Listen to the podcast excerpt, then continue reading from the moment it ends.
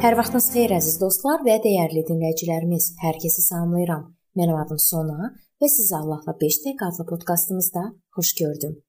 Bu gün mən sizinlə imanla salihlik barədə danışmaq istəyirəm. Əyyub 25:4-də yazılıb: Fani insan Allah qarşısında necə salih ola bilər?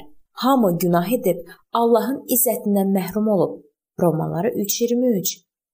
Salihlik qazanmaq üçün Allahın sevgisini və lütfünü dadmaq istəyiriksə, əvvəlcə xilasa ehtiyacı olan günahkar olduğumuzu etiraf etməliyik. Allahın xeyirxahlığı bizi tövbəyə aparır. Şeytan çalışır ki, insan özünü müdafiə edib haqq qazandırsın. Amma həqiqət ondadır ki, özü öz günahlarından xilas olmaq iqtidarında deyil. Çünki istənilən günahı edən zaman müqəddəs və salih Allaha qarşı günah etmiş olub. İlk insan Allahın sözündən çıxdı və o vaxtdan ölüm hökmü hər bir insanı izləyir. Yezekil 18:20-də yazılıb: Günah işlədən adam öləcək. Romalılar 6:23 Günahın əvəzi ölümdür. Allahın ənamı isə Rəbbimiz Məsih İsa'da olan əbədi həyatdır. Allahın qanunu bizim günahkar təbiətimizi ifşa və mühakimə edir. Günahımız ucbatından əbədi ölümə, cəhənnəm əzablarına layiqik. Biz qanunun tələblərini yerinə yetirmək iqtidarında deyilik və ya günahın əsarətindən azad ola bilmirik. Yalnız xeyirxah işlər görməklə xilas ola bilmirik. Onu yalnız imanla qazanmaq olar. İmanla Allahın xilasını qəbul edəndə Allahın gözündə salihlik qazanırıq. Musanın qanunu insanlara günahlarına görə qurban vermək ehtiyacını göstərdi və öz günahlarını örtbasdır etmək imkanı verdi ki, müvəqqəti olaraq qurbana olan ehtiyaclarını ödəsinlər. Qanun həmçinin insanlara günaha görə daha böyük qurbanın verilməli olduğunu göstərdi. Qanun özünü qurban verən və satın alınmanın ən böyük qurbanı olan İsa Məsihin edə biləcəyi şey etmək iqtidarında değildi. İsa Məsihdə günahlarımız sadəcə ört-basdır edilməyib.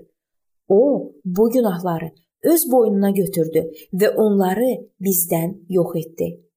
Əlavə olaraq Məsih bizə bundan sonra qalibiyyətli həyat sürmək üçün güc verdi. Qanun heç vaxt Allah tərəfindən günah probleminin birdəfəlik həlli üçün nəzərdə tutulmamışdı. Buna görə də Allah özünün hüdudsuz məhəbbəti və lütfü ilə insanlara İsa Məsih vasitəsilə salihlik qazanmaq imkanını imanla qəbul etmək şəraitini yaratdı. İsa Məsihin kəffarə qurbanı əhd-i ətiq və əhd-i cədidin bütün müqəddəslərinə haqq qazandırır. Üstü qurbanlarla örtülən əhd-i ətiq müqəddəslərinin günahları bu gün tövbə edərək Məsihə gələn insanların günahları kimi İsa Məsihin qanı ilə tamamilə yuyulub məhv edilir. Həvarilərin işləri 13:39-da yazılıb.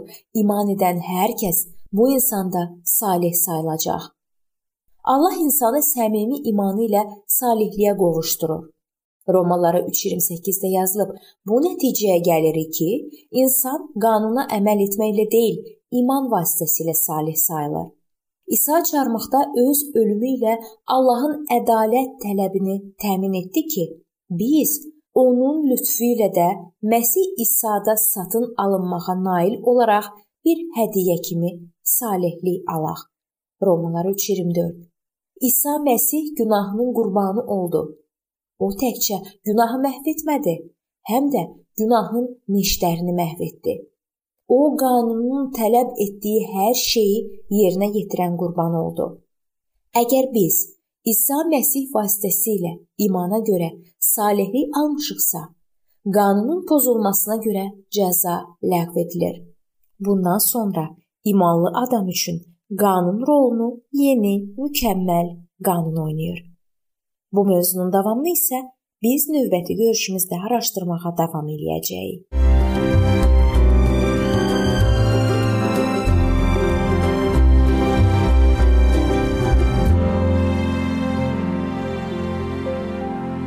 Beləliklə əziz dostlar, bu yerdə bu mövzu sona çatdı. Hər zaman olduğu kimi sizi dəvət edirəm ki, bizim podkastlarımızı Facebook səhifəmizdən və YouTube kanalımızdan dinləməyə davam eləyəsiniz. İndi isə mən sizinlə sağollaşıram və növbəti görüşlərdə görməyə ümidi ilə sağ olun, salamat qalın.